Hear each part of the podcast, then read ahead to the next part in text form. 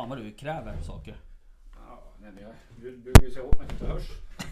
Inte så konstigt när inte sladden sitter. Precis. Ja, ja. Ska vi köra igång eller? Ja, vad börjar vi med då? Vi börjar med en påa. Ja, varsågod. Vi är ju... Eh, kaffe gör det. Vi är ju själva i jaktstugan idag.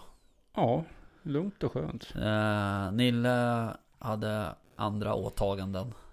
Ja, Skulle man kunna säga. Så att eh, då får vi väl hälsa alla våra kära lyssnare välkomna då. till jaktstugan. Precis. Eh, Välkomna. jag tänker så här att... ha- Har du sett Nile City? Är det någon som inte har sett Nile City som är född i alla fall Jag tänker att vi ska köra någon Nile City grej och stå här med en to- tombola och kasta in grus i den där och så... Ska vi köra... Chihuahua. Ja. Tror du inte det? ja, det vore ju någonting. Det vore något. Mm. Ja, nej. Du, kaffet Kanske var ju drag i alltså. Ja, det är starkt och rivigt. Mm. Vet du vad nackdelen är med de här kåsorna? Att de är av plast. Ja, dels det. Mm. Eh, Men, eh, tappar värmen fort. Ja, exakt. Mm. Precis. Det blir kallt fort. Då har jag inte ens mjölk i. Jag har ju Nej. typ slutat dricka med mjölk. Ja, du börjar bli vuxen. Jag dricker inte ens med mjölk på jobbet Nej, det är bra. längre. Mm. Så eh, det var väl kul. Hörru du, ehm, jag satt ju här och skröt förra gången om att vi skulle ha ett rävavsnitt. Ja. Och så jävla vida här, Ja, alla tre. Mm. Ja. Ja, nej vi Eh. får... nej, det gick ju inte så bra. Det blev inget, helt enkelt. Nej, det blev inget. Eh, inte den här gången i alla fall. För att ehm, vi hade ju en gäst på gång men sen så uh, vart det inte så. Då kontaktade vi en annan herre. eh, som dock, han var assugen på att vara med. Mm. Eh, men han var och jagade ripa Ja. i fjällen. Hela veckan. Han också, som alla andra gör. Så att eh, det gick inte. Men eh, han ville vara jättegärna gärna vara med någon annan gång. Ja, vi får ta den. Så att det kan ju bli kul. Ja. Ehm, men ehm, vi ehm, är inte uh, jätteledsna för det. Eller ja, det är vi ju. Men alltså, vi har ju en plan B, så att säga. Alltid en plan B. Ja. Annars har vi en plan C också. Har du druckit vinet som heter plan B någon gång? Nej, Det finns ett vin som heter det. det låter inget gott. Nej, du kan ju fråga Linda nästa gång du träffar henne. Mm. Mm. Ska jag göra det. Mm. Det var ingen bra eller? Ja, ja, så hon tycker det. Alltså, Nej, jag vet inte. Jo, ja, eftersom hon drack typ en hel flaska. Nej, jag skojar. Ehm, men du, um, skämt åsido. Vi ehm, ska ju ringa och prata med någon som vi eh, eh, var i kontakt med ganska tidigt när vi började podda. ja, stämmer. Och ehm, hon hörde av sig och ville att vi skulle lotta ut två exemplar av hennes bok. Mm. Som hon har skrivit. Mm. Med passion för det vilda. Yes. Och eh, den här personen heter ju då Helena Lyckoskog. Ja. Så vi ska ringa upp henne så småningom. Ja, vi ska ringa och prata lite spårträning och, och upplägg för uh, spårsäsong. Ja, lite efter säsongsarbete. Ja, och, eller försäsong. Och försäsong också i och för sig. Jag vet inte liksom hur, hur man ska definiera den här Nej, alltså just mellan. nu kanske det är lite mer efter säsong, lite lugnare kan jag Ja, tänka. så kan Sen så trappas det upp mot sommaren, vår, sommar och Mm, så att de är fit for fight till Mm. hösten. Exakt. Det är det vi ska prata lite om tänker jag. Ja, precis. Så vi ska ringa upp henne här Mm. ehm, lite senare. Hundarna alltså, tänker vi på, som ska vara fit for fight. Ja, vi är ju Ja. redan fit for fight. Ja, Så jävla, så jävla vältränade som vi är. Ehm, för övrigt så kommer det bli kaos med det där. Med träningen. Men- gymmen kommer ju stänga snart. ja prata om alltså. Sats har ju redan stängt alla sina. Ja. Så där vi tränar, de kommer också stänga. Jaha? Har du Nej, hört alltså, det är bara min... Ja, ja, de stänger ju allting snart. Jag Men- tror det. Och eh, slutspelet ska ju för, förflyttas, eller? Mm. IVA har ju flyttat. Ja, just det. Svenska, eller svenska, vad heter den? Ehm, båtmässan. Ja. Stockholms båtmässa eller vad den heter. Mm. Den har ju, skulle ju flyttas också. Ja. ja, det är Så mycket vi hoppas ju, mycket vi, det det, kommer ju en mä- mässa här snart. I maj. Mm, Tullgarn. 21 till 23. Ja, Tullgarn. ja. Mm. 23 maj. 21, till- 21 till 23 maj. Ja, precis. Ehm, och jag hoppas att inte den eh, kommer att flyttas. De gick ut med något pressmeddelande idag, såg du det förresten? Nej, gjorde jag inte. Nej okej, det hade Tor- Torbjörn skickade ut något. Ehm, nu vet jag inte, nu kan jag inte leta rätt på det. Men ehm, ja, det stod typ att ja, de håller koll på läget och Mm. det är två och en halv månad dit mässan är. Så att Ja, de var får väl hoppas. inte... Hoppas att det... Mycket kan ju Ja, hända så att säga. Ja, precis. Men jag hoppas att det är bra. Ja, Alltså att den inte ställs in. ja jag hoppas att vi får ordning på det. Ja, Corona. otroligt. Mm.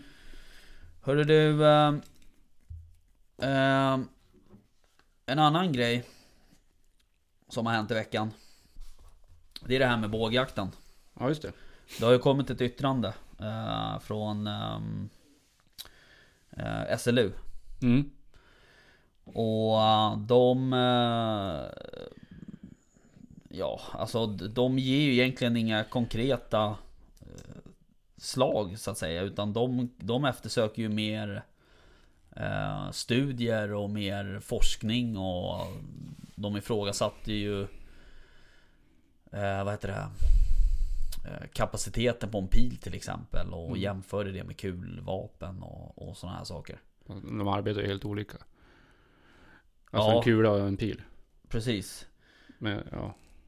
Ehm, så de tar egentligen ingen ställning för eller emot bågjakt. Vilket jag kan lite, tycka är lite konstigt i ett yttrande. Det är väl det som är Mm. hela poängen med ett yttrande liksom. Att man ska få någon typ av avslut eller? Jag kanske ja, fel. jag tycker det. De bara skjuter på framtiden. Känns det som. Jag menar liksom. Det finns ju länder som jagar med båge. Mm. Finland till exempel Mm. och Danmark Mm. som vi vet. Varför, om det går att jaga där, varför skulle det inte kunna gå att jaga i Sverige? Nej, Tänker jag. nej, Det Nej, är ingen, och skill- det är ingen skillnad på, på viltet. nej, precis. Ehm, och jag menar... Alltså Naturvårdsverket föreslog ju bågjakt 2018 eller något Mm. liknande. Det var då hela det här drog igång. Men jag menar, alltså... Fan, jaga med båge har man ju gjort jättelänge i USA. Ja. Eh, Och sådär. Så att, ja, och, och jag menar... Är det något land där liksom utveckling och, och, och sånt liksom går framåt, då är det ju i USA. Alltså det är ju bara att kolla på alla, alla system egentligen som finns. Alltså alla liksom kategorier. Så jag menar, de, de är ju inte så att de jagar med någon gammal träbåge liksom, utan alltså, det utvecklas ju enormt mycket. Mm. Och det är ju bara att kolla när När Anders och Olof var här eh, På pilarna som vi fick klämma Ja, ja, och känna absolut. på Ja. Alltså vilka jävla projektiler ja, precis. Så att ehm, jag, jag tycker att det är lite konstigt liksom att man Har haft en remissrunda och det har ju liksom Varit uppe i riksdagen och diskuterats och sen så kommer ett yttrande då där man säger så här, "Ah, mm, Jag vet inte Nej, jag har ingenting att säga. Vet inte vilken fot jag ska stå på Nej. typ Det är jättekonstigt De törs jag varken säga ja eller nej. För att då, Nej men man får lite den eh, känslan kanske Eh, De vill ju bland annat liksom ehm, Alltså de vill ju eh, Vad heter det? Ha mer studier och de vill ha, vad stod det? De vill ha mer forskning eh, Experimentella jämförelser av tiden från träff till medvetslöshet för olika djurslag vid jakt med olika metoder Och graden av stress och smärta som djuret upplever under denna tid Till exempel Det känns som att det är ganska utrett i mina ögon ja, det känns så. Men det här är ju bara för att de ska förskjuta beslutet och Ja ja, Ja, jag vet inte. Ja, märkligt. Nej, ja lite så. Och de ehm, ehm, De föreslår att man ska jämföra eh, Skadeskjutsfrekvensen av olika djurslag till exempel eh, Under olika förutsättningar. Eh, Och um, ja, med jakt på olika metoder och sådär. Eh, Sen en annan grej som de Som de vill ha det är, det är en kartläggning av attityden hos Hos eh, allmänheten Mm. Men det har, det har jag ju sett på, eh, på sociala medier nu att kunskapen omkring ju bågjakt är ganska Ja. låg. Den är ju bristfällig Ja, bristfällig. mm. Många som, många som antar massa saker som inte har lyssnat på våra tidigare program. Nej, Eller avsnitt. Så att, nej, alltså så är det ju. Och det är klart alla liksom kan vi, Det är väl heller inte något Liksom alla kan väl inte lyssna på det. Men jo. Jo, i och för sig. Men, äh, ja, men alltså skämt åsido så i det avsnittet får man ju faktiskt svar på väldigt många frågor. Ja. Eh, och Anders och Olof är ju extremt duktiga på att förklara liksom Mm. eh, hur det här går till. Eh, så att det, det är klart, det, det bör man ju lyssna på om man vill liksom ge sig in i debatten så att säga. Ja, åtminstone ta reda på fakta. Och, Ja, lite prata så. med någon som håller på med Men vad fan, du vet hur det är på, på Facebook liksom. Mm. Det, är, det, är som, mm. Jo, men så är det. det, är som ett, det är som en skolsal full, full med bråkstakar som ska skrika och låtas högst liksom. Det här med källkritik och det, sånt existerar ju inte liksom. Folk gissar ju hejvilt. Ja. Sen är det ju också så att Många argument är också känslo, känslomässigt tagna. Ja, ja, men det är, så är det ju absolut. Och det är inte heller, det är inte liksom, vad fan. Det är inte rätt. Nej. Eh, nej men vi får väl se då vad som händer. Men uh, Svenska Jägareförbundet och Svenska Bågjägareförbundet var väl fortfarande positivt inställda till och hade väl goda förhoppningar om att det Ja, skulle, jo, absolut. De, skulle bli något liksom. ja, det var, Ehm, så att... ehm, och jag hoppas att det blir tillåtet. Jag, ser inte, jag kan inte se... Efter, eh, framförallt efter det avsnittet när vi pratade med Anders och Olof så kan inte jag se att jag är emot bågjakt på något sätt. nej, jag håller med dig faktiskt. Jag tycker också att det... Jag menar när du kan skjuta en jävla vattenbuffel på 20 meter i Afrika Då borde du kunna skjuta ett rådjur på 20 Ja. meter här hemma i, i Dala-Järna Ja, om det finns några så. Ja, Ja. Ehm, Ja, Jo, men det håller jag med dig faktiskt. Så att det, det ska inte vara några konstigheter, tycker jag. nej Precis Så att, eh, ja, vi får se vad som händer i den här frågan. Ja precis Mm. En annan sak som är på tapeten, det är ju det här eh, EU och eh, blyförbudet som, som det snackas om. Ja, Att EU vill förbjuda eh, bly överhuvudtaget. ja Och eh, Det var det Torbjörn pratade om han pratade om det. Vi Mm. tog ju också upp Mm. frågan och så. Eh, och eh, ja, det är ju... Som jägare så, så har vi ju inte så jättemycket att säga till om just den frågan. Nej, Men, Tyvärr. Nej, precis. Och eh, de försöker ju eh, få att eh, eh, vi ska få ha kvar eh, den här 6,5 mm. ammunitionen som klass 1. Ja precis Annars så är det många som kanske måste byta Ja, kalibrer kan och bössor för att inte kunna jaga med dem. Ja Det lär finnas inte- några hundratusen sådana i Sverige Eh, Ja, med tanke på att det är en så pass fin och aroundkula. ja, och ja, Så att eh, det är det ju absolut det kan slå hårt, väldigt hårt åt eh, svenska jägare. Ja Eller, Men vadå, den skulle då inte bli en klass 1 kaliber? Om... om...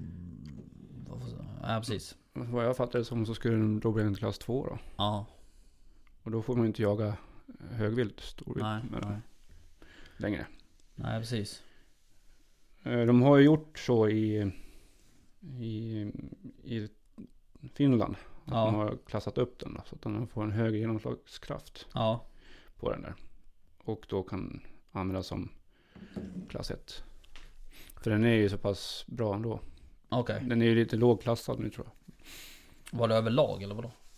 Ja, alltså den är ju, det är det här med jol. Ja precis Och eh, vad jag förstår så är eh, den här 6 och 5 den är klassad mm. lite lågt. Då, så att, men den klarar ju att komma upp till högre Mm. jol. Mm. Och då klarar eh, den klass 1 Okej nivån som EU tycker att den ska ha. mm. Även utan uh, bly då så att säga Ja, jag vet inte riktigt hur, hur de kommer fram till det där. Nej, inte jag heller. Ehm, eller alltså de, det är väl, de mäter väl anslagsenergi som alla andra. Men Mm. kulan måste ju också ha liksom en viss tyngd så att säga. Uh, för den upp till den här anslagsenergin. Ja, alltså de, den kommer ju upp till eh, 2300 två- och eh, upp, lite upp och så jol. Mm. Och, eh, och i, i, i Finland så har de, för klass 1 så har de sänkt Klass Jaha, ett släpps. klar. Ja okej okej. till 1900 jol. Alright. Ja det är därför man kanske kan jaga med 243 och så i, i Finland. Ja, Mm. och de fick, den klassningen fick de igenom i, i, i Finland. Okej. Att de sänkte kravet då, på klass 1. Ja. Så att eh, de jobbar ju på att få upp, få upp eh, ja, att den ska fortsätta vara kla- klass 1 Mm, i mm. Alltså det där är ju lite, det där är lite lustigt det där med, med, eh, med klasser, alltså kulklasser och, och sådär. För det är ju som, bara kolla på 243 Remington. En sån som jag hade min K95. Mm.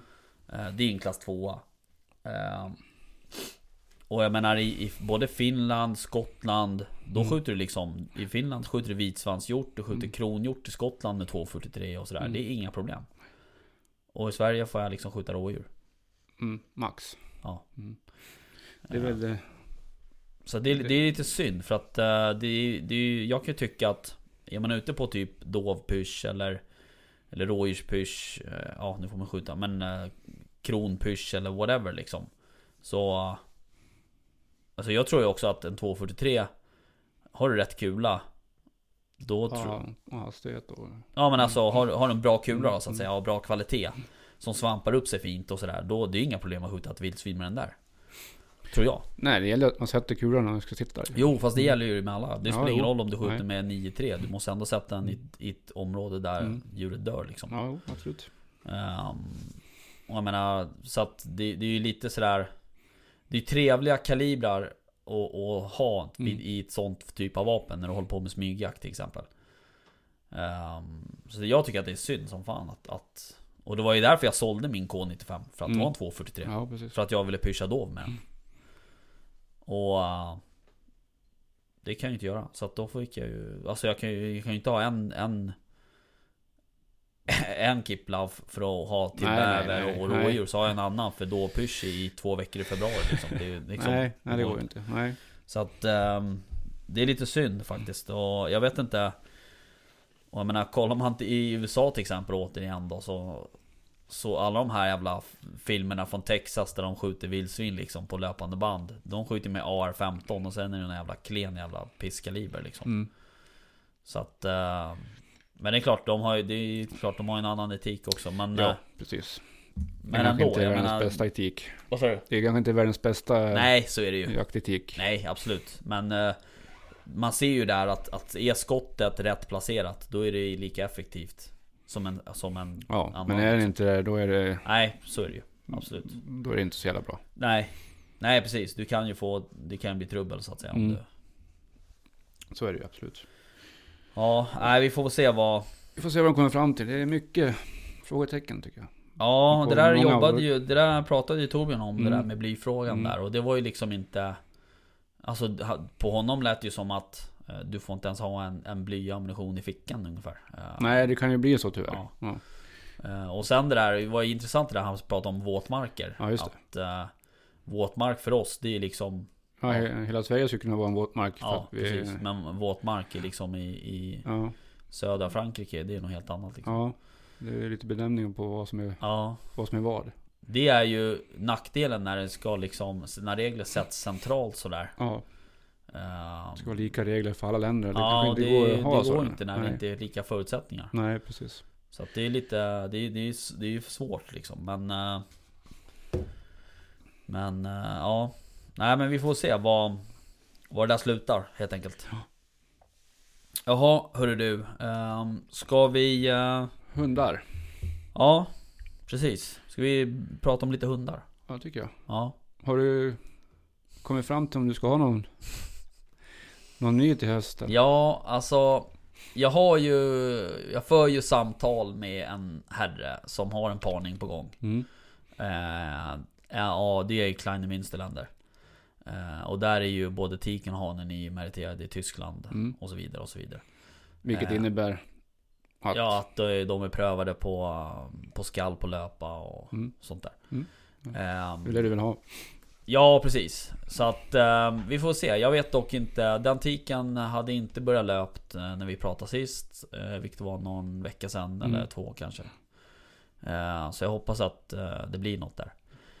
Men... Eh, jag jag- samtidigt, samtidigt så... Jag känner ju nu så här, nu den här säsongen Så att säga, eller den här tiden på året när det Mm. inte är Ja. det, det är inte så mycket jakt, det är lite rävlock och Mm. man tittar efter lite vildsvin och sådär. Jag ska fan ut på bäverjakt någon gång nästa vecka tror jag om det vädret blir, inte blir sämre. Mm. Men eh, jag har ju bara en hund nu, jag har ju bara Affe kvar. ja, just det. Och det är rätt, det är rätt skönt ändå. Eh, samtidigt så har jag mycket på jobbet. Mm. Det är mycket med den här podden, vi håller på och planerar hela jävla höst, eller vår, sommar Mm. och sådär. Eh, plus att man, jag har kommit igång med, med träningen ordentligt liksom och Så att eh, Alltså en valp är egentligen inte det optimala just nu. Eh, Nej. men samtidigt så vet jag ju också att när man kommer dit Till oktober Då, då, då kommer jag känna suget och, och jaga in något igen liksom Ehm, Så att, nej men jag tror att det blir, det blir nog en valp här Ja, om det inte blir en valp, då det finns ju alternativ att- få en ung hund då i sådana fall. mm. Känner du för det?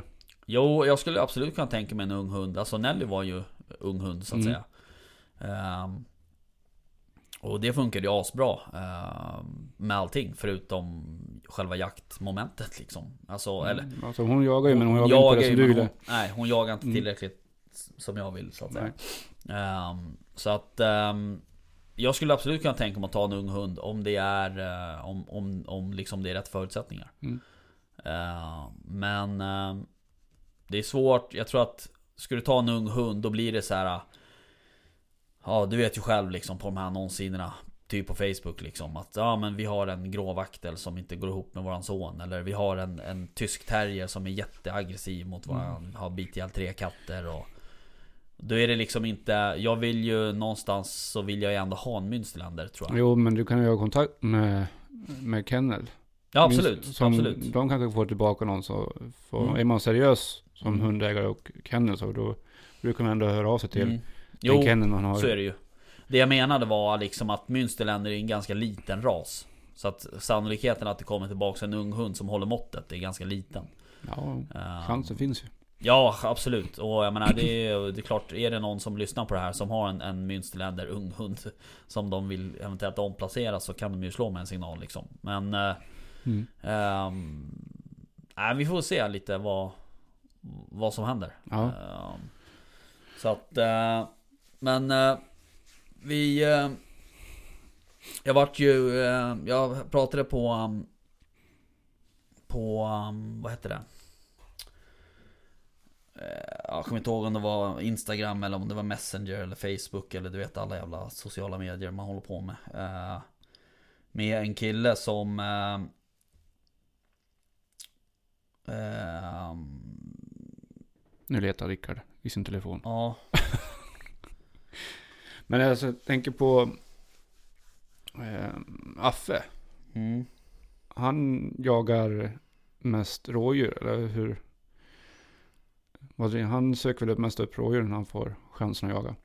Ja, eh, eh, ja det ehm, gör han ju. Alltså han, han är ju injagad på rådjur. Mm.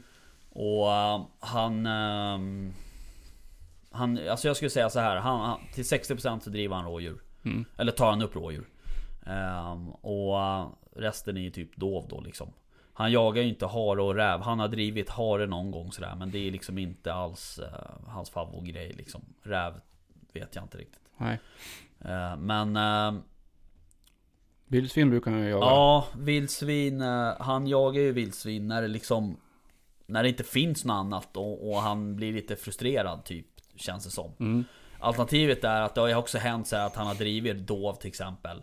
Sen kutar de in i en tätning och så tappar han bort sig. Och då börjar han om, då börjar han gå på ett nytt frisök. Ja. Istället för att komma tillbaks till husse, för det är astråkigt, för då behöver man ju åka hem liksom. Då uh, börjar han med ett nytt frisök, ja då råkar det ligga ett vildsvin där. Då går han ju in i den där granen och skäller lite. Han Ja. fattar ju inte att han är en tvärhand hög, så han går ju liksom in och kör hela järnet. Mm.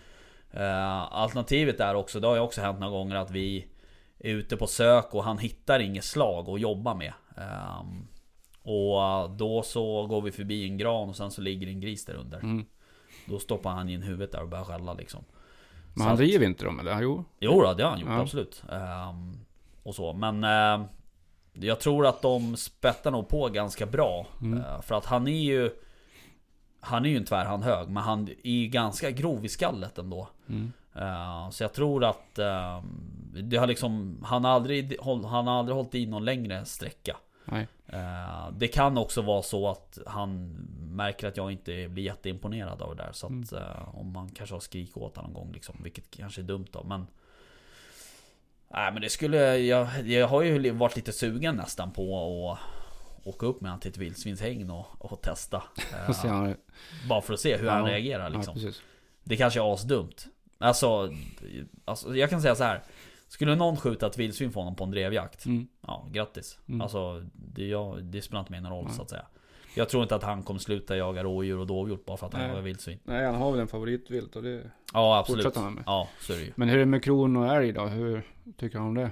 Eh, nej, det, det vet jag faktiskt inte. Älg eh, kommer jag, vet jag fan inte om han har gått på någon gång. Eh, kron har- tror jag inte han har drivit. Nej. Eh, faktiskt.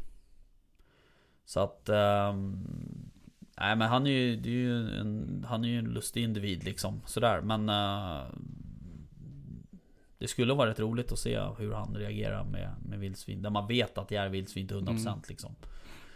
Eh, men... eh, nej jag kommer aldrig glömma den, när vi liksom där nere i Katrineholm där. När vi liksom...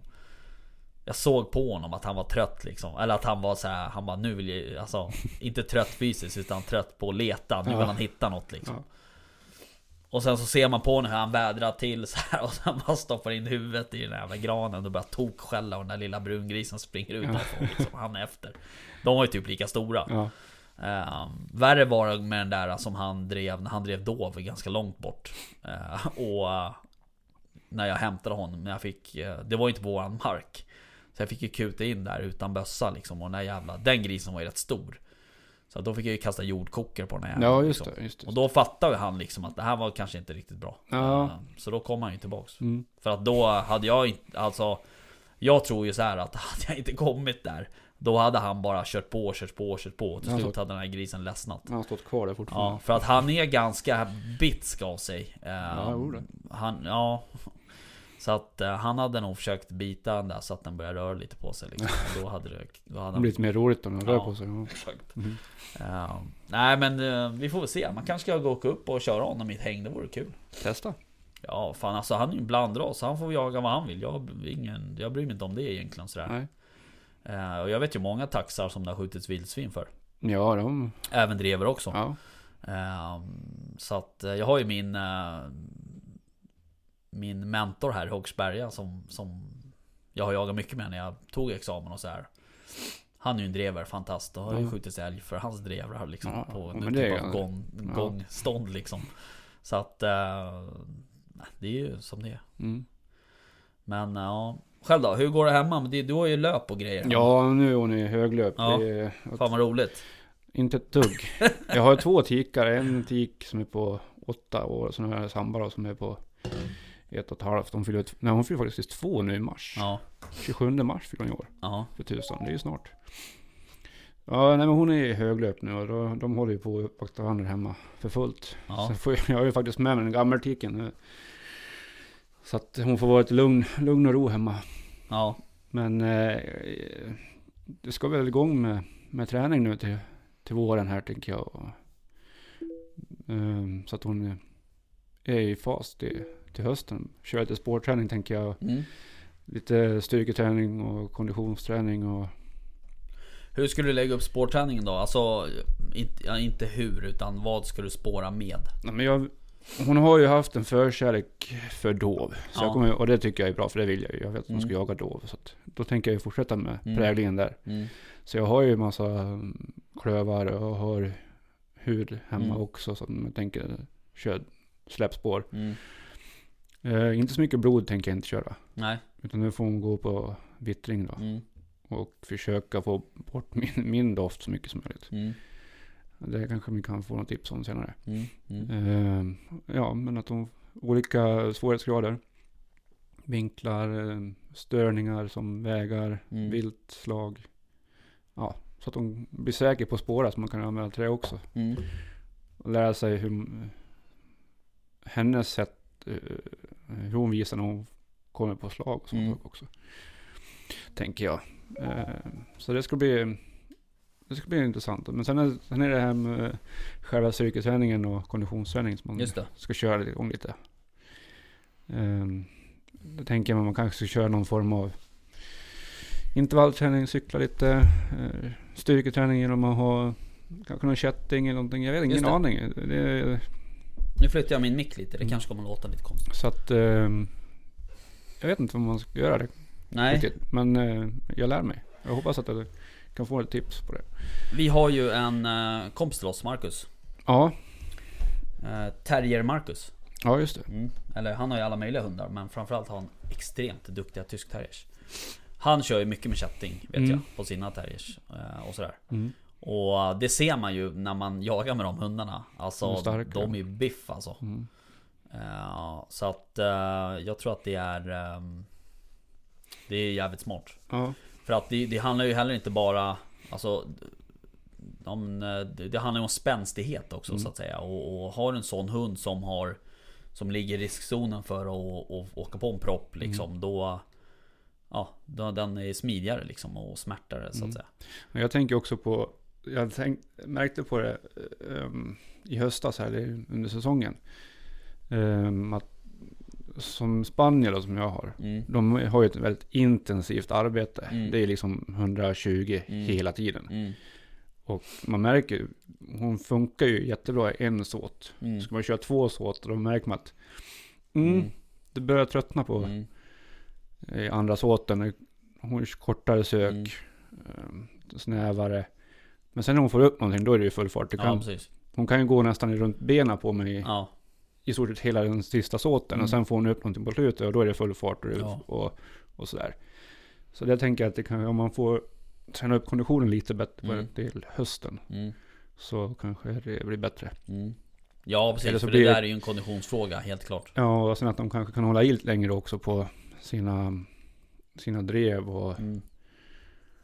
Och stötningar som hon Mm. gör. Mm. När hon får, väl får vilt framför Ja. sig. Och att hon orkar. Ja. Nej men så, och det där märkte man ju på Nelly också liksom att... eh, Och jag tror ju så här att, det är som du säger så här, när de väl får upp något Mm. Då spelar det ingen roll liksom, utan Nej. då mosar de bara på Mm. Men det är just det där frisöket, det blir mindre Mm. och du vet så här, att Stannar upp lite mer ofta och tittar var husse är någonstans Mm. liksom sådär Ja, Ehm, Så att, eh, men jag, jag skulle säga så här att Det är ju det är en, det är en ren konditionsfråga så att eh, ja men det kommer jag fokusera på. Sen, eh, ja. Ja, jag fattar. Hörru du, ehm, Vi kanske ska, ska vi slå... vi ringer upp henne och höra om hon har att säga om. Ja, vi slår henne en signal. I frågan. Jag, eh, jag tror att vi är uppkopplade och allting. Jag ska sätta på mig på hörlurar bara, så ska vi se. Vad fan. Hur låter?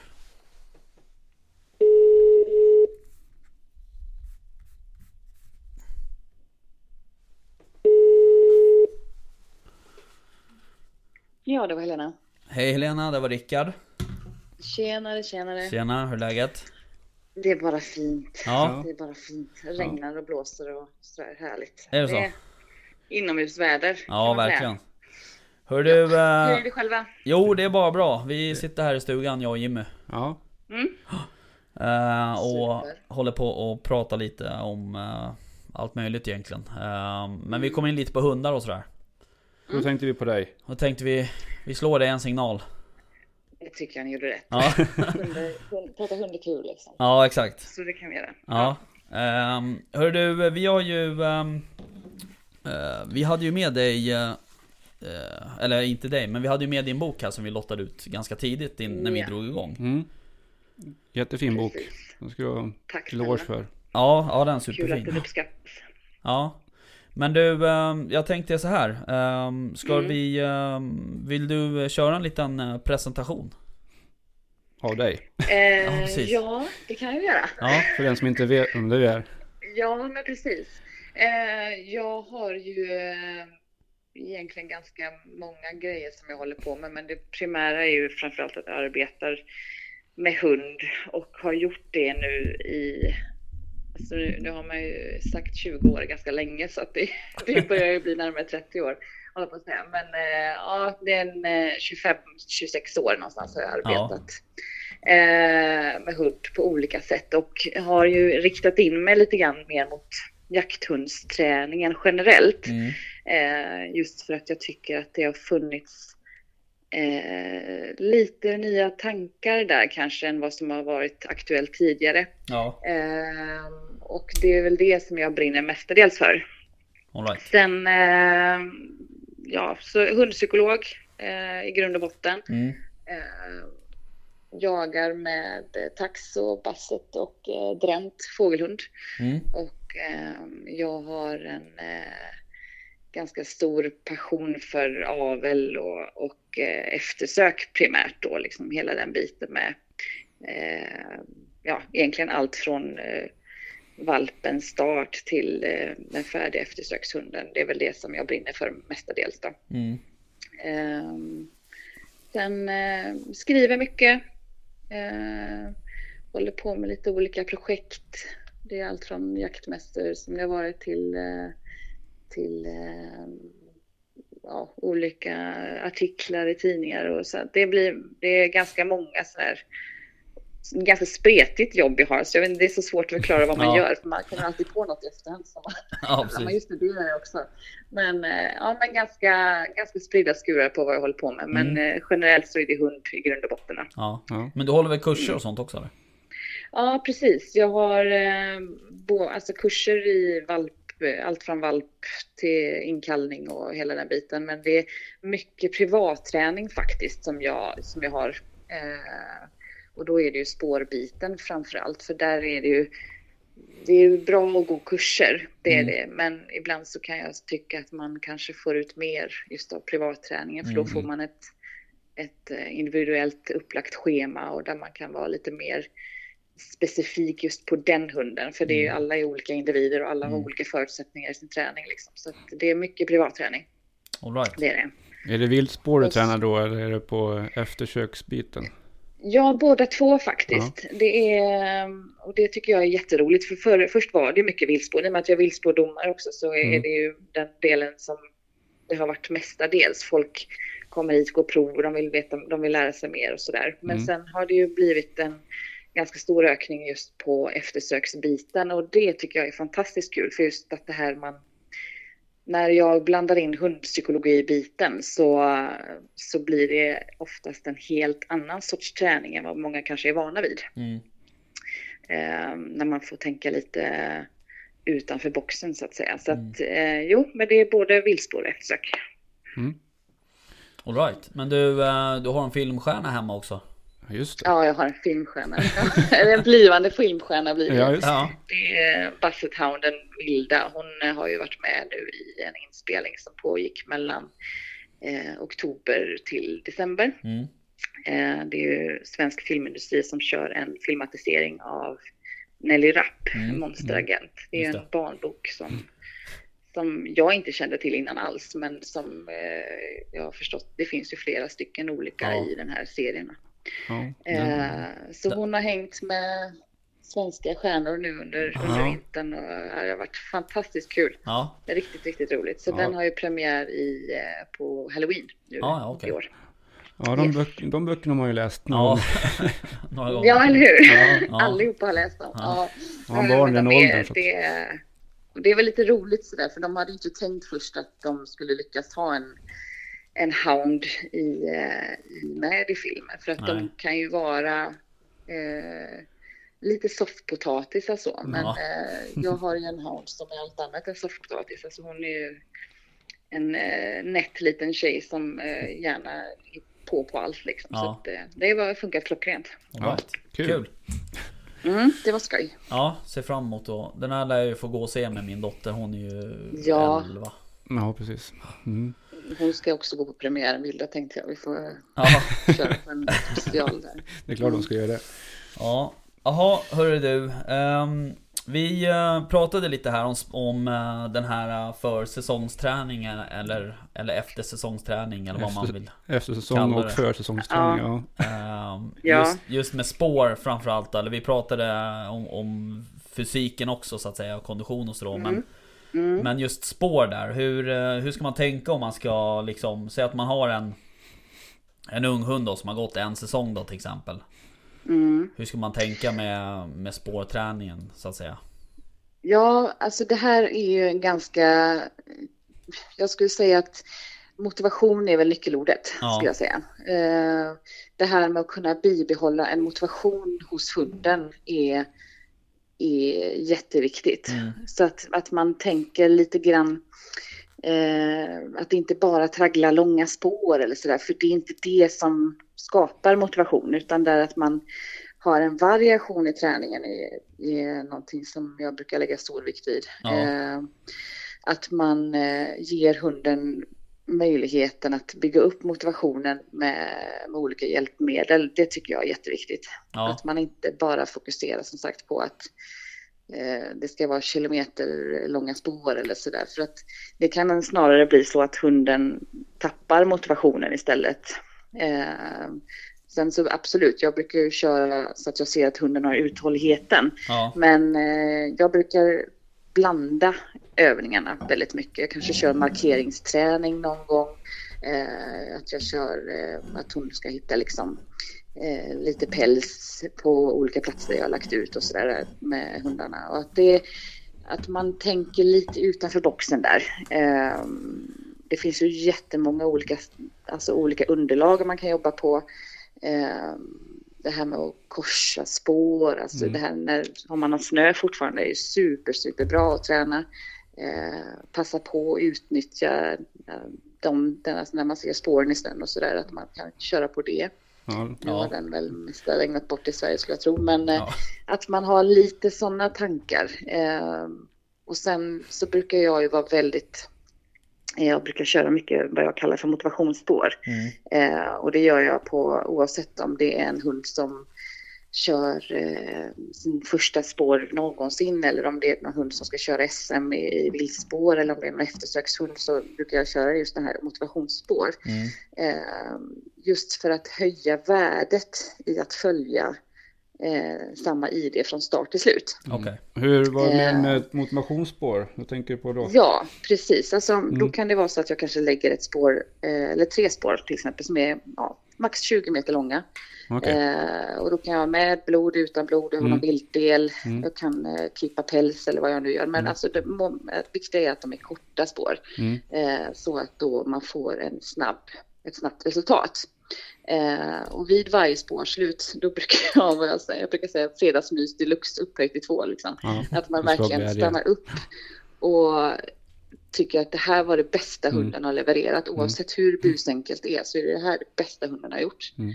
Eh, och när det här är lite vad, vad som kallas för skvallerträning kan man säga.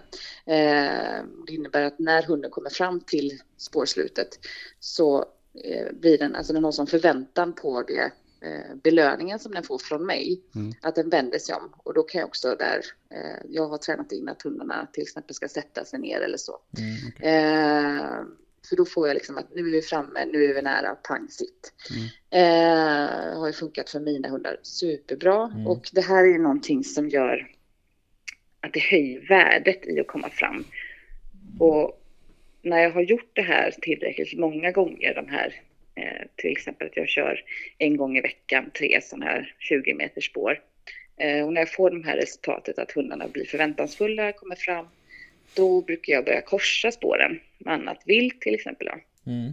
Eh, och då gör jag det väldigt, precis innan jag ska gå de här spåren. Mm. De kanske låter de här andra ligga över natten eller sådär. Eller ett par timmar i varje fall. Och på så vis kan jag också där lära mig hur ser hunden ut om den skulle växla. Just det. Eh, jag lär mig att se om hunden växlar men reder ut det själv. Mm. Eh, det tycker jag är en jätteviktig del just när man vill lära sig att läsa sin hund. Eh, hur ser den ut när det blir något färskare? Alltså hur förändras eh, kroppshållningen? Alltså går svansen eh, på ett annat sätt? Eh, är det så att tempot ökar? Och framförallt är det så att den kan hantera och komma tillbaka själv? Och då är fördelen att belöningen kommer fort. Mm. Eh, hade det varit så att vi behöver traggla i 600 meter till efter en sån här störning, då hade det ju inte blivit lika värdefullt för hunden.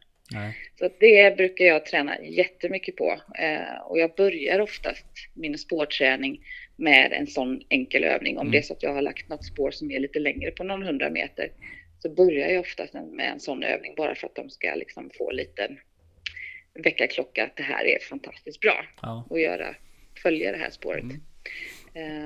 Så Hur, det brukar jag eh, göra. Ja, okej. Ehm, hur, uh, jag tänkte på ehm, Hur gammal bör hunden vara när man börjar liksom med spår på allvar så att säga? Ja, det är väldigt individuellt skulle jag säga, Mm. mognadsmässigt. Eh, jag, alltså, jag presenterar ju klövar i valplådan liksom. Mm, Ja. så att, men det, är- det blir ju lite grann, alltså när de kommer hem, alltså när de är runt fyra, fem månader, alltså det Mm. blir lite på lek. Det. Eh, de får introduceras lite grann och eh, att de får presentera. Där handlar det mycket om att de får bli presenterade för det, att Mm. de får vanan inne och att det blir positivt och att det är roligt. Eh, mycket i den här åldern handlar ju bara om att det ska vara kul. Mm. Sen så börjar jag kanske min mer medvetna, alltså målmedvetna träning när de är runt ja, 6, 7, 8, ja, 7, 8 månader där någonstans. Då blir jag lite mer målinriktad på Ja. vad det är jag ska göra och vad det är för mål jag har med hunden. Ja. Leka lite med, med päls och sådana saker då eller? På just det vilt Ja, som du vill men att det ska precis. Att de, får, eh, att de blir positivt inställda till, eh, till viltdelar Mm. och eh, till dofterna och eh, det här med blodmarkeringar och sånt där. Mm. Alltså man, man kan ju, jag brukar alltid, när jag tränar hund så brukar jag oftast eh, sätta ord på det de gör. Eh, och det här, det är väldigt bra start att köra det på när de är valpar. Liksom Mm. att, att eh, om man kanske drar ett litet 10 meters spår i skog eller i trädgården eller vad tusan som helst. Så att man, man kan liksom börja få in ordet spår om det är Mm. det man vill använda Mm. eh, tidigt. Så det, det kan man ju börja eh, relativt snart med tycker jag. Mm. Men eh, det ska vara kul och det ska vara positivt laddat och det är bra när de får in vanan i tid liksom. Ja, precis. Men jag tänkte på, du är inne på det här med att man ska utnyttja snö och, och sådana saker. Det är ju Mm. lite svårare för hundar om det är kallt underlag, hårt underlag, blött, torrt. Ja, precis. Alltså det här, det här det kalla underlaget, det märker man ju lite grann att dofterna, det blir svårare, alltså Mm. när det är frost liksom. Det blir Mm. svårt för hundarna, det känner vi till. Men eh, där är ju någonting som, är varma, de här varma sommardagarna till exempel som vi Mm. har. Där är det också svårt oftast för hundarna när de Mm. håller på och drar in den här doften hela tiden. Eh, och då brukar jag alltid köra, eh, jag har alltid med mig en liten eh, medicinburk om det är så att jag tränar och är ett kortare spår. Så har jag alltid med mig en liten, typ en liten plastburk med vatten i. Mm. Eh, och så kör jag, häller i handen, fuktar nosen Mm. innan. Och är det så att det är ett lite längre spår så kan jag också stanna i mitt, mitt i spåret om jag känner att hunden börjar tappa det. Då stannar jag och häller vatten i handen igen, fuktar nosen. Mm. Då förstärks ju dofterna. Mm. Ja, precis. Eh, Kyler ner skallen och lite också. det, det, ja, det, blir, det blir en ganska stor effekt Mm, och där får mm. också hunden en liten en eh, jätteliten paus Mm, men mm. som också kan resultera i att de bara får, Mm. Mm. får eh, komma tillbaka i fokus igen. Liksom. Mm. Men hur viktigt är det att man tränar i olika, eh, tränar spår i olika situationer, olika underlag? Olika terränger. Ja, terränger och, ja, man kan träna Alltså har, på asfalt ja, alltså, och skog. har du och, målsättning för eftersök så är det ju A och O. Liksom. Mm, mm. Du, det är väl lite det som jag tycker kan vara lite roligt ibland. Mm. För när jag, jag som spårdomare så är jag väl kanske av den, den eh, typen att jag lägger spår där jag vet att vilt brukar röra sig. Alltså Mm. jag, eh, det är inte så att jag lägger på några fina stigar i skogen som är lätta att ta sig fram utan det kan vara lite tätningar och det kan vara över diken och det kan vara över åkrar, det kan vara eh, över murar och sånt där. Och det, den, den saken kan ibland bli lite roligt för att jag får några som kanske inte är vana vid eh, den jaktliga delen i eftersök till exempel. De kan, de kan ju nästan hålla in sina hundar i det läget. Så att just vi som känner till hur viltet rör sig, lägg spår där. Mm. Eh, det är bra att hundarna får in vanan i det här. Och eh, alltså, typ ta sig igenom eh, stängsel, alltså taggtråd höll på säga. Det finns ju överallt. Ja. Eh, men att man, hundarna ska lära sig att stanna, ta, att man själv ska ta sig under, eh, korsa vägar och samma där att både spåra när det är alla olika väderlekar och även i eh, ljus och i mörker. Mm. Så att man får in alla scenarier som kan tänkas komma. Mm. Eh, och då behöver man återigen inte träna långa spår utan det är bara att man får in de olika momenten. Mm. Om man ska, om man har till exempel en rådjurshund och sådär, är det... Alltså är det enormt viktigt att man kör bara med rådjursklövar då? Eller är det liksom, spelar det inte så stor roll så att säga för själva spånings... Läran, ja, alltså det, ja, men precis. Det här är ju någonting som kan vara lite omdiskuterat. Ja. Eh, I många fall så handlar det om att man presenterar ett ID för hunden och Mm. det är det den ska följa. Eh, sen så handlar det alltså för mig, om jag har en ren eftersökshund, Mm. eh, där är det ju inte samma. Där, där skulle jag säga att alltså, hundarna ska kunna följa ett ID Mm. från, A till, eller från, eh, från start till slut. Liksom. Eh, däremot så är jag lite nojig. Mm. När, som med min tax till exempel. Alltså Ja. där jag kör bara eh, rå och gjort på henne. Mm. Eh, och det, för jag känner att jag vill minska risken för intresse för eh, vildsvin eller älg till exempel. Ja. Vi, Eh, vi pratade om det det- tidigare här faktiskt. Innan vi Mm. ringde upp dig. Mm. Ja, Jag har ju själv en drever tax, en blandras. ja, Eh, Och han jagar ju vildsvin emellanåt. Eh, Ja. Men nu är det inte skjutet någon vildsvin för honom och han håller inte i jättelänge och sådär. Och hans, hans favoritvilt är ju fortfarande rådjur och dovhjort så att säga. Men, ja, ja. men han har inga problem att gå in i under en gran och skälla på, på något liksom, på ett vildsvin till Nej. exempel. Nej men precis, och det är väl lite det här, alltså har de intresset för viltet så då, då har de det. Eh, men jag vill minska risken att min hund får, alltså Mm. om jag tittar till exempel på taxen här då, att jag vill inte att hon ska få intresse för den typen av vilt.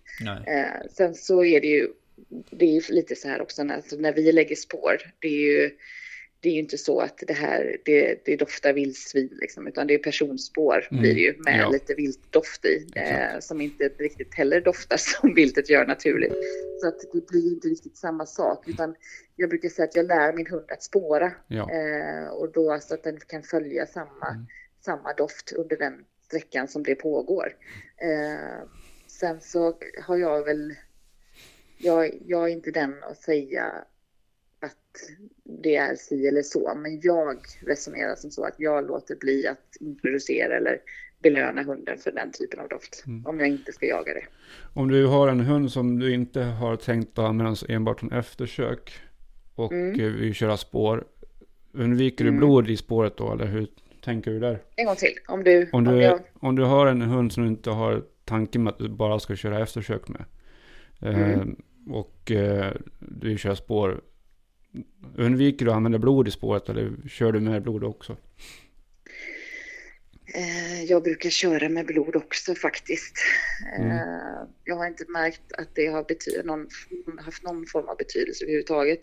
Eh, på dem. För jag, alltså de som är basseten och taxen, där är det ju både jakt och spår. Och återigen, de följer en doft när Mm. jag kör, kör spåret. Och eh, är det blod i så absolut. Eh, jag har inte märkt någon större skillnad och det är väldigt viktigt tycker jag just det här att man skiljer lite grann på de här specialisterna. Alltså det, det är en helt annan, jag tycker att det är en helt annan grej att gå eh, bakom en hund som bara är en ren eftersökshund. Eh, men jag använder faktiskt blod även, även i spåret med de hundarna som jag jagar med. Mm. Det gör jag. Okej. Mm. Ja. Det gör jag också faktiskt oftast. Men ibland jag brukar Ja. variera när jag spårar. Att jag ibland kör jag bara med, med klöv eller, eller päls. Och ibland kör jag med blod också. Mm. Ja, precis. Och det är också en, det är en jätteviktig grej att, att göra för att det är ju alltså som en trafikskada eller sådär. Mm. Alltså, du, det är ju inte alltid det är blod, alltså det är ju, eller vad som helst. Det är ju inte alltid man har blod på plats eller eh, det kan ju vara långa, långa sträckor som det inte är något blod överhuvudtaget. Så att hundarna måste ju kunna den biten med. Ja. Mm. Så att eh, det har- blir både oblodat och det blir med blod. Mm. Mm. Men när du kör ett sånt här viltspår så har du ju väldigt mycket doftspår eh, med. Du har din egen spår, Ah. du har klöven och du har blod. Så det är en hel del som, Ja. som den går Det är på. jättemycket dofter. Eh, och det här är ju någonting som jag tycker är lite intressant att, att prata om just det här med, med eh, hur det ser ut idag för, för eh, kravet för eftersökshundar. Ja. Om man tittar till exempel på ett öppenklassprov. Det är, det är ju i min värld så är inte det här någon raketforskning för hunden. Eh, jämför du ett öppenklassprov som i många fall är en, ett kriterie för eftersök Mm. eh, så är inte det, det är ganska stora skillnader på hur det ser ut på riktigt liksom. Ja. Eh, det är ju, jag tycker att hundarna har eh, väldigt mycket enklare att följa det här spåret än kanske att de ska komma på eftersök. Eh, där förutsättningarna ofta ser helt annorlunda ut. Ja. Så att eh, där är någonting som jag tycker att det ska eh, vara, att man kanske ska förändra lite grann. Mm. Eh, och det vet jag att det varit på tapeten lite. Men, men eh, för att det här, det är ju, först är det ju två deciliter blod som är spåret och Mm. det är blod. väldigt raka vinklar och allt det här och det, så att det blir väldigt enkelt. Mm. Eh, det blir det ju definitivt. Jag tänker på hur ska man kunna göra för att eh, inte ha med sin egen vittring så mycket som, Mm. eller så lite som möjligt. I spåret menar du? Ja, i spår när man lägger, för du spåret, släpar ja, ju och droppar så det går ju. Det, jag vet, ibland vet man ju inte om det är hunden, Hus- husse som... Nej men ibland så är det ju lite grann så. Ja. Så man måste... Ja, det är ju det här. Vad, hunden det, vad det är hunden har i näsan. Ja. Eh, och det här, då, kommer man, då skippar vi ju prata viltspår egentligen, utan då pratar Mm. vi bara eftersök. Och då Mm. brukar jag ju köra, som jag har eh, fått ta till mig av kära Kalle Ekström. Ja, precis. med, eh, sprayade spår. Det tycker jag är fantastiskt bra. Eh, för då har jag att man kan eh, få doften längre ifrån ändå. Att man kan se att man ser precis vad det är hunden får i näsan. Eh, så det tycker jag är fantastiskt. Och sen eh, eh, att man kan få jag brukar ju jobba lite grann just det här med att man ska veta vad hunden har i Mm. näsan. Att man kan också testa det här med att, att eh, låta andra ta över och man kan, man kan, alltså att någon går med och någon försvinner, att det händer lite saker i Mm. spåret.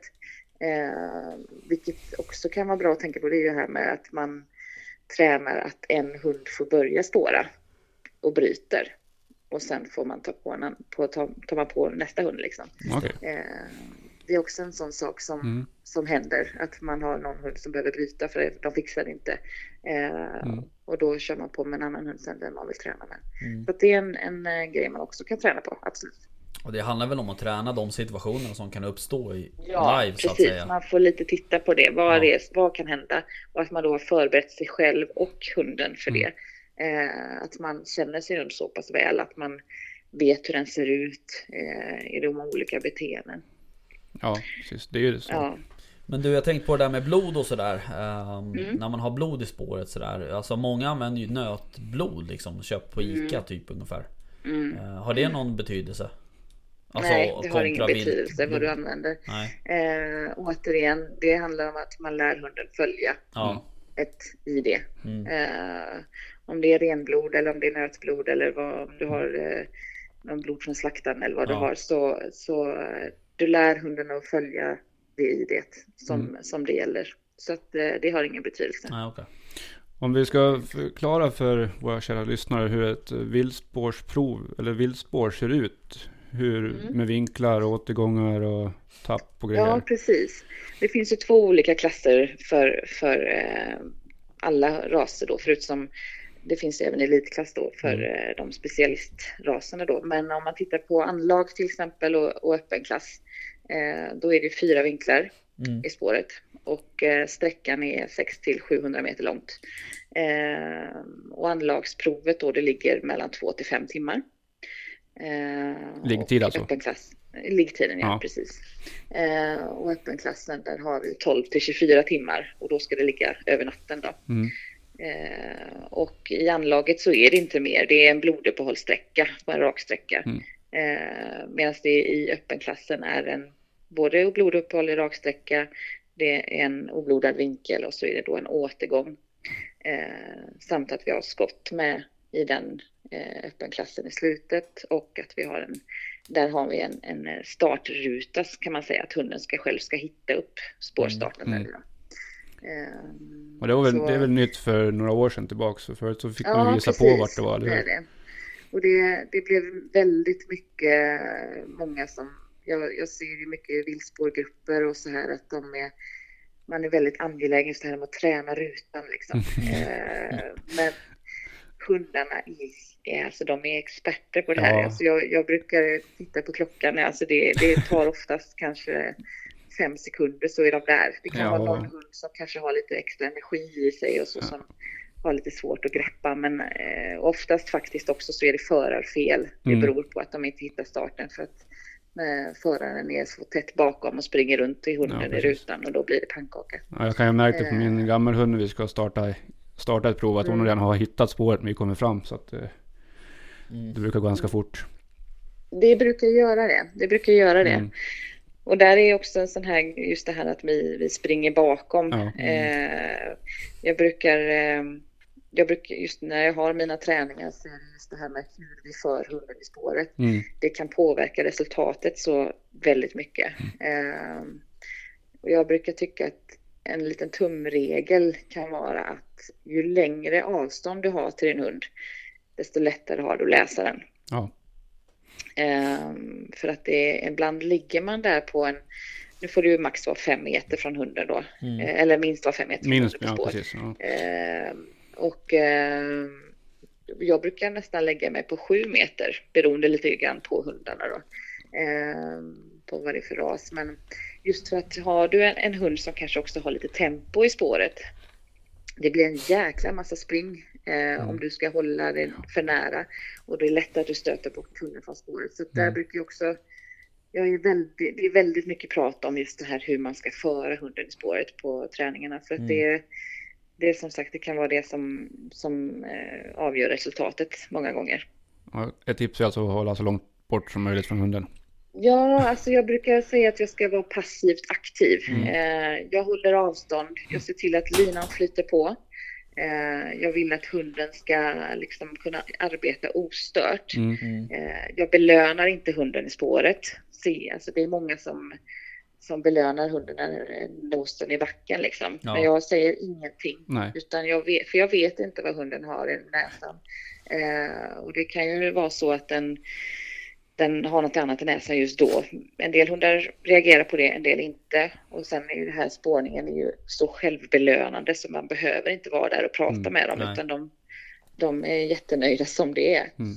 Eh, så det är en jätteviktig del att man är tyst när man arbetar. Eh, och sen tycker jag det är jätteviktigt att man också låter hunden göra fel. Eh, där är det väldigt mycket olika teorier tycker jag. Alltså jag hör många som kommer hit att de, så fort hunden går, från, går av från spårkärnan så är det liksom nej och tillbaka igen. Mhm.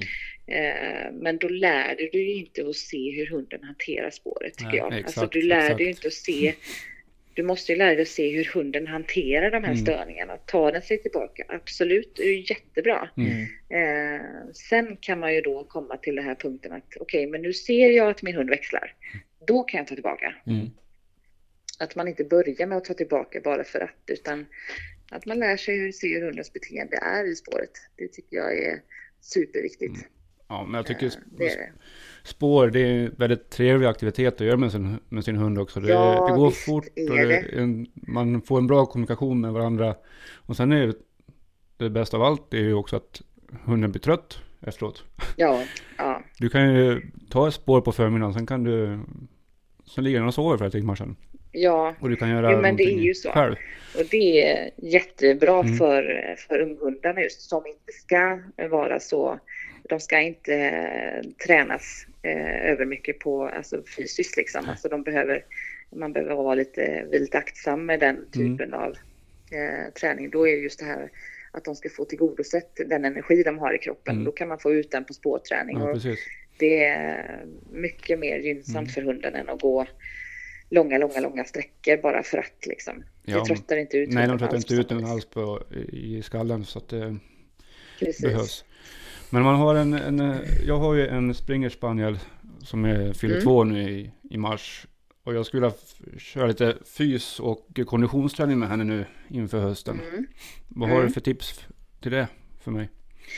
Ja, jag brukar ju ha... ehm, Jag brukar tänka, först och främst brukar jag tänka mycket små muskelgrupper Mm. eh, och också de stora muskelgrupperna.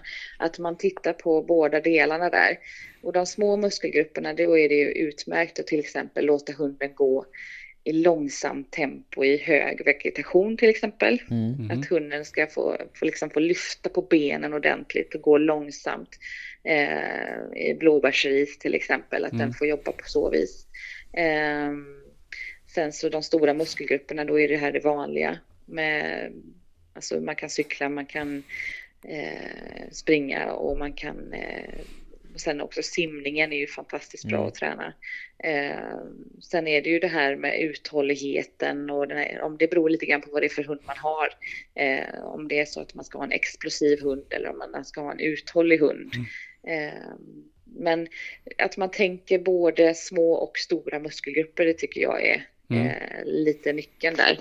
Eh, att de får arbeta med muskler som, som de kanske inte annars använder dagligen Mm. på så vis som de stora muskelgrupperna görs hela tiden. Eh, så att man tänker lite där. Sen eh, så är det ju alltid det här med uppvärmning Mm. eh, och nervarvning. Mm. att man får med sig det in, att man inte bara kör all in, att man tänker lite grann på underlaget om du Mm. springer till exempel eller cyklar. Eh, simning är ju väldigt skonsamt. Eh, så att det, där får man ju vara lite grann beroende på ålder och, eh, och nu är din hund en vuxen hund. Mm. Så att, eh, men eh, att tänka lite grann på båda, båda delarna där, små muskelgrupper, stora muskelgrupper. Mm. Mm. Och, ehm, och att variera träningen där lite grann och tänka liksom uthållighet kontra explosivitet. Eh, och sen är det ju det här, jag brukar, allt det här med massage och, och hela den biten tycker Mm. jag också är någonting som, som är, man lägger till där. Eh, stretching är väl någonting som gemene gemene man tycker jag ska vara lite försiktiga med, för där behöver man veta vad man gör. Mm. Ja. Eh, men massagebiten, det är liksom, det är nyttigt på många sätt. Eh, så att eh, en lugn skön promenad, börja med det, sen så köra igång lite hårdare träning med, på den vuxna hunden ska jag poängtera. Mm. Eh, att man kör eh, cykling, kickbike. Eh, det finns ju, eh, alltså det här, det, ju, det finns ju sådana fantastiska selar som man sätter på sig som man kan springa med Mm. hunden. Det är ju jätteroligt. Eh, och mm, kuperad terräng där liksom om man vågar sig på att springa där. Men klättring, eh, springa i, alltså just i, i sandtag och sånt Samtag, där. ja Så. Ja. det finns ju, eh, det finns många möjligheter. Mm. Men Jag tänkte på, du pratade om cykling där. Det, har ju också, det är ju många som pratar om hur fort man ska springa. Vilket Ja, hastighet, underlag vilken och hastighet och underlag. Asfalt är ju aldrig bra. Det kan jag aldrig tänka. är inte jättebra kan jag tänka. Men Nej, det är ju det. Alltså det, är ju, det, det blir förslitningar mm. eh, om man inte är aktsam. Jag, jag kör ju på eh, grusväg, alltså när jag kör tempo med mina hundar. Det gör jag alltid. Och sen så sträckan, det är lite grann också beroende på individ. Det är svårt att säga generellt. Eh, men om, om jag kör till exempel eh, fem kilometer med min fågelhund så kanske jag kör två kilometer med, med taxen. Liksom. Mm. Nu har inte hon kommit så pass att hon har börjat köra så hårt ännu. Men eh, att man tänker lite grann på individ och eh, ålder och vilka förutsättningar man har. Eh, och underlaget, jag tycker, ja, det bör ju vara av det mjukare lag- slaget tycker jag. Men vad ska man hålla för hastighet då? De säger trav ska man väl hålla. Om man håller hastighet så man får galoppera Ja. så får man inte samma träning. Det är vad jag har hört. Tra, nej, trav är det som är eh, att föredra. Mm. Och där brukar jag tycka, eller därför är det viktigt att man ser att det blir en ren trav, att det inte blir passgång. Eh, för passgången, det blir inte bra för hunden. Då får man förändra, då kan det vara så att man behöver cykla lite snabbare eller, Mm. eller lite långsammare så att Mm. man ser eh, att det blir en ren trav. Mm. Eh, passgång är ju när, om man säger att högersidan flyttar sig framåt samtidigt liksom Ja, eh, kontra vänstersidan, att det Mm. inte blir det här korsandet. Eh, så att man ser att det blir en ren fin trav. Mm. Eh, och sen så kan det ju, det är ju mm, för mig som har fågelhund också, där kan det ju bli en hel del eh, högre tempo i galopp också, bara för just att få in uthållighet, för där är det eh, långa släpp med Mm. just galopp. Mm. Eh, Så att det beror ju lite grann på vilken typ av hund man har. Men det är ju framförallt uthålligheten jag tränar. Men då ser jag ju till att jag har en, en eh, god fysik med eh, muskelgrupperna innan då. Mm. Så att jag kan köra den typen av träning. Ja. För jag pratade ju om att eh, i höstas när jag jagade min unghund här, eller min vuxna Mm. hund som nu då. Att hon orkade en såt och sen halva andra såten. En spaniel, Mm. de har ju, det är ju 120 som gäller hela tiden i stort sett. Ja, ja. Så jag tänkte man skulle träna, träna upp konditionen. Hur, hur tycker du att jag ska lägga upp det då i sådana fall med, och styrka samtidigt? Ja, precis. Alltså där är ju, jag skulle säga, det är svårt när man inte vet riktigt hur du har gjort innan där, men jag skulle nog tänka lite grann i variation av träning. Eh, alltså simträningen är ju, där finns det lite olika typer av simträning. Det finns ju att man kan gå på sådana här vattenband Mm, till exempel för att bygga upp muskulatur. Eh, och sen så har du att du kan simma inomhusbassäng med sån här jetstream-motor, att de ska simma i motstånd. Mm. Det är också något som stärker dem och liksom att de får lite konditionsuppbyggande. Eh, sen så uthållighet, alltså det, att man kombinerar lite grann uthållighet med cyklingen eh, eller löpningen eller vad man nu vill ha. Och framförallt då eh, med köra lite de små muskelgrupperna, vilket också är jättebra för att minska skaderisken. Eh, så att du kör en kombinerad eh, träning där, att det blir lite variation Mm. på, på de olika delarna. Att man eh, inte låser sig fast bara vid att ja, nu ska jag cykla, cykla, cykla, cykla. Mm. Eh, och att man också är det jätte... Jag ser väldigt många som eh, börjar sin försäsongsträning månad innan jakten Mm. börjar. Det är Och klassiskt. det här är ju, ja, alltså det, det, det, det här är ju någonting som ska pågå året om. Alltså Mm. hunden, hund, alltså du har ju mycket större risk för skador om du gör på det här sättet. Utan det här är någonting som, en kondition som du måste hålla uppe hela året. Eh, det är inte bara det att hunden ska vara, vara fit for fight månaden innan jaktsäsongen startar utan den ska finnas, i- den ska finnas i god, hunden ska vara i god form året om liksom. Mm. Det, det är väl nyckeln där med. Och sen kan man ju titta också så att man har förutsättningarna med kosten, att de har bra, en bra eh, foder som är anpassat till den hunden. Mm. Eh, att hunden eh, får i sig det den behöver. Eh, återhämtningen, att den får tid att återhämta sig. Mm. Eh, både, både i kropp och knopp liksom. Mm. Så att eh, man, får, man får se helheten under hela året för att få en bra jakthund tycker jag. Att man inte fokuserar så mycket under en kort period. Nej. Mm. Hur ofta ska man ut och träna då? Ska man köra fem gånger i veckan eller tre gånger i veckan? Eller, och, Ja, jag, har, jag kör ju milen eh, sex dagar i veckan med mina hundar. Jävlar. Eh, På, kick, på kickback då antar jag?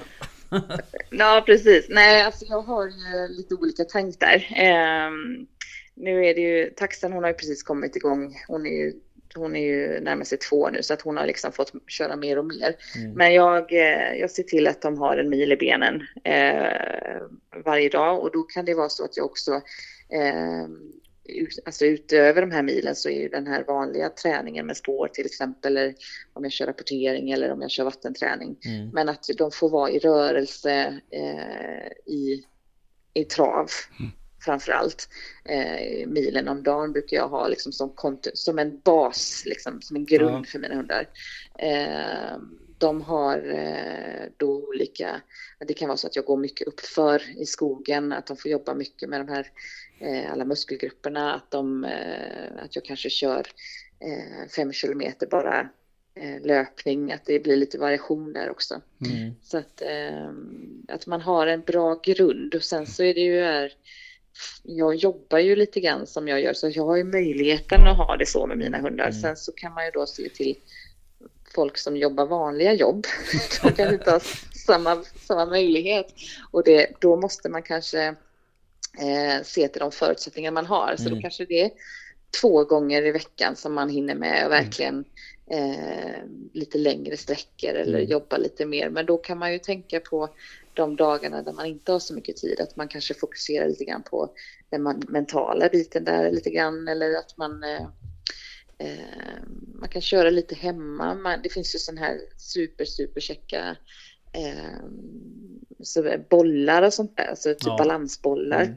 som man kan arbeta med inomhus. Det är också sånt som är fantastiskt för de här små Mm. musklerna. Mm. Eh, så det finns ju alltid möjligheter och sen eh, som sagt man kan eh, är det en ung hund som kanske inte ska gå så långt så brukar jag på kvällstid så är det så här det är väldigt skönt för, för oss som eh, har jobbat en hel dag och kanske har en lugn hund sen framåt kvällen Mm. och då brukar jag köra just det här att man man behöver inte gå så långt, trötta inte ut hunden på så vis utan kanske gå ut eh, en kort runda i skogen och, och låt hunden få arbeta på ett annat sätt. Hoppa upp och sätta sig på stenar, ner för Ja. stenar, Mm. krypa under Mm. saker, balansgång. Att de får in både eh, den här kroppskontrollen där och att de också får tänka lite. Mm. Eh, det är lite lättare att, att tänka så för, för valpar och unghundar Mm. som inte ska gå på samma vis. Ja, Ja, det låter ju som att vi har jobb att göra här i sommar, vår, sommar. Ja, verkligen. Ja, det låter bra. Men det är ju ganska kul när man får resultatet av det också. Ja, ja. eh, det är ju det. Det Eh, handlar ju bara om att komma igång också, det är ju det som är grejen. För att, jag menar, det är, Ja, jag tror att precis. många Det är som du säger liksom att många kör igång sin, sin konditionsträning i liksom Augusti, september någon gång Ja. liksom, Så ska de Ja. släppa första oktober typ Ja. Och, Och då kommer skadorna Ja. som ett brev posten ibland. Liksom. Ja, så det är ju så. Jag hade frågat dig, för jag, innan vi ringde upp det så pratade jag om att jag skulle köra med eventuellt kedja eller kätting och dra. Mm. Vad anser du om det? Det kan man absolut göra. Har- Då får du ha, bara man har rätt utrustning. Ja, en riktig sele då, då. Ehm, Det, här, det finns ju speci- speciella dragselar Mm. som du kan arbeta med.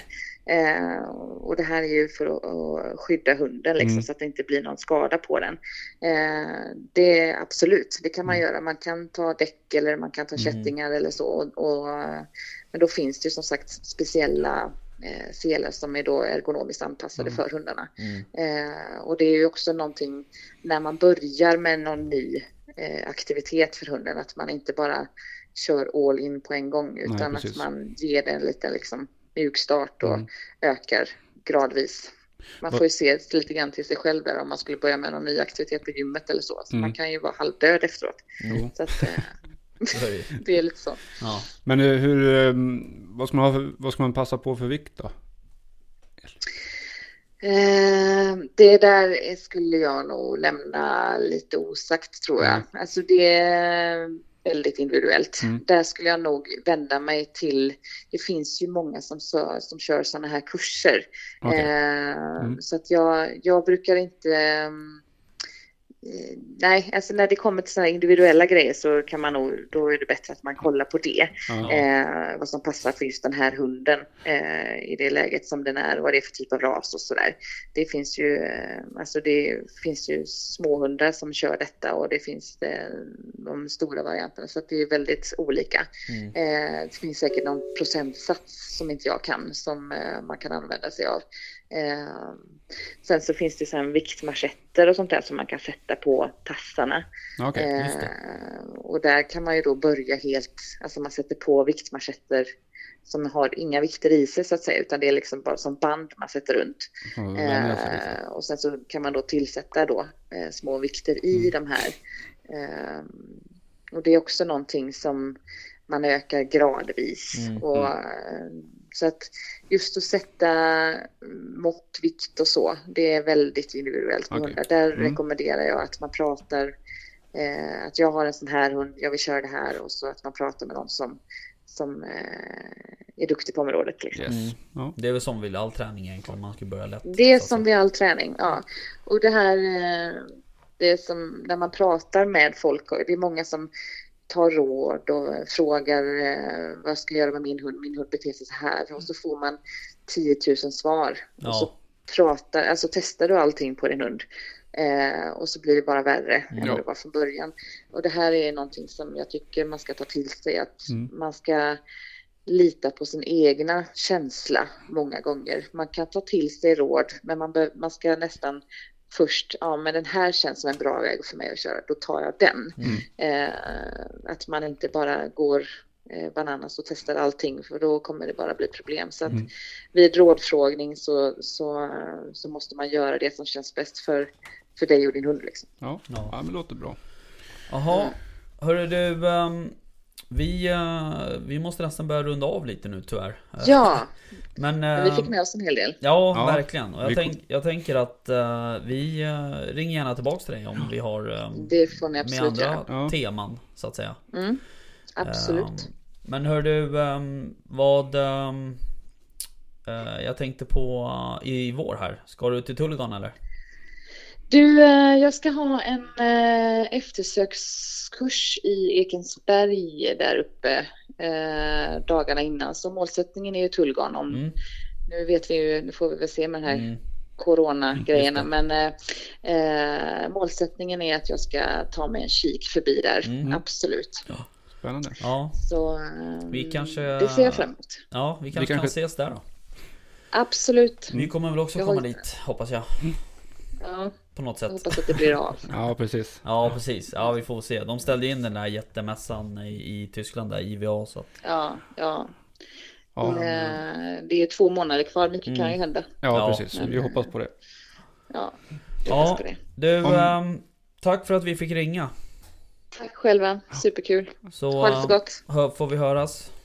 Det gör vi. Ja, det Ja, bra. bra. Hej, hej. Ha det Hej. bra, hej. Eh, ja.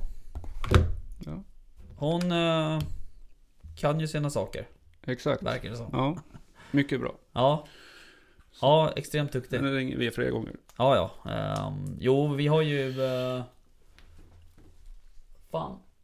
Det är något som... Hörde du? Undrar om det är möss i väggen. Ehm, det Jag börjar är... höra synen nu. Jag är Ja. trött. Ehm, vad fan skulle jag säga för något? Eh, jo, vi har ju... eh, vi har ju pratat om att ringa Helena förut, Mm. tidigare. Men det har liksom aldrig... Det har varit så jävla mycket med allt annat Mm. och... Vi vill ju heller inte att det ska... Bli något halvdant liksom. Utan nu... eh, nu kände vi att nu har vi ju lite här med... Spårträning och, och sånt vi vill Mm. snacka om. Mm. Eh, men jag hoppas att vi får... vi, vi får anledning att höra av oss igen. Det kommer vi att göra, absolut. Mm. Det finns mycket att prata om när det gäller hundar. Ja, det är ju så. Mm. Absolut. Ehm, så är det. Och det finns säkert någon där ute som vill ha frågor och, eller har frågor. Som Ja. hjälp med någonting. Precis. Vi har, jag har ju en... ehm, en kompis till mig. Han um, hörde av sig för ganska länge sedan i och för sig om att han hade ett problem. med sina hundar. Men jag tänker att vi, eh, vi får ta upp det i ett separat eh, program helt enkelt. Frågor. Ja, Program. fråga hundpsykologen. Mm. Ja. Ehm, ja, nej men hörru du, eh, vad fan det blev ju ett avsnitt den här veckan också då. Ja, det blir så. Det blir så ibland. Ja, Ja. ibland blir det så. Ja. Ehm, vad um, ska du göra helgen? Blir det någon jakt? Oh, nej, det blir nog inte. Det blir jakt på sopor. Jag ska köra skräp ska jag göra. Ja, vad kul. Ja. Mm. Fiffigt. Det behövs Ehm, det också. Vad sa du? Ja, det behövs det också. Ja, jo så är det. Mm. Ehm, Jag ehm, ska väl eventuellt upp imorgon eller på lördag. Och jag är vildsvin. Och titta om de där vildsvinen är ute i hagen där och ställer Mm. till trubbel. Ehm, men vi får se. Det ska ju vara lite halvtaskigt väder. Det ska ju snöa, blandat regn Ja. liksom. Och så. Men de är ute då också. Jo, absolut. Ehm, det är inte det som är problemet. Ehm, men vi får väl se då. Men sen är det nog, alltså jag, jag, jag ser ju det. Alltså är det, fortsätter vädret så här eh, och det liksom är upp mot en 7-8 grader. Då Mm. blir det fan bäverjakt någon kväll alltså. Mm. Det vore jävligt kul. Yes. Yes. Mm. Ja, ja. Ja, men vi rundar av här tycker jag. Så hörs vi nästa vecka. Ja, precis. Får vi se vad vi har för något då på agendan. Ja, vi ska ju på ett föredrag nästa vecka. Mhm. Det ska vi. 17. Ja, just det. Mm. Mm. Men du, det kommer vi återkomma till. Ja. Eh, men du, tack för idag. ja, men tack själv. Vi eh, åker hem nu. Det gör vi. Bra. Ha det bra. Hej. Hej.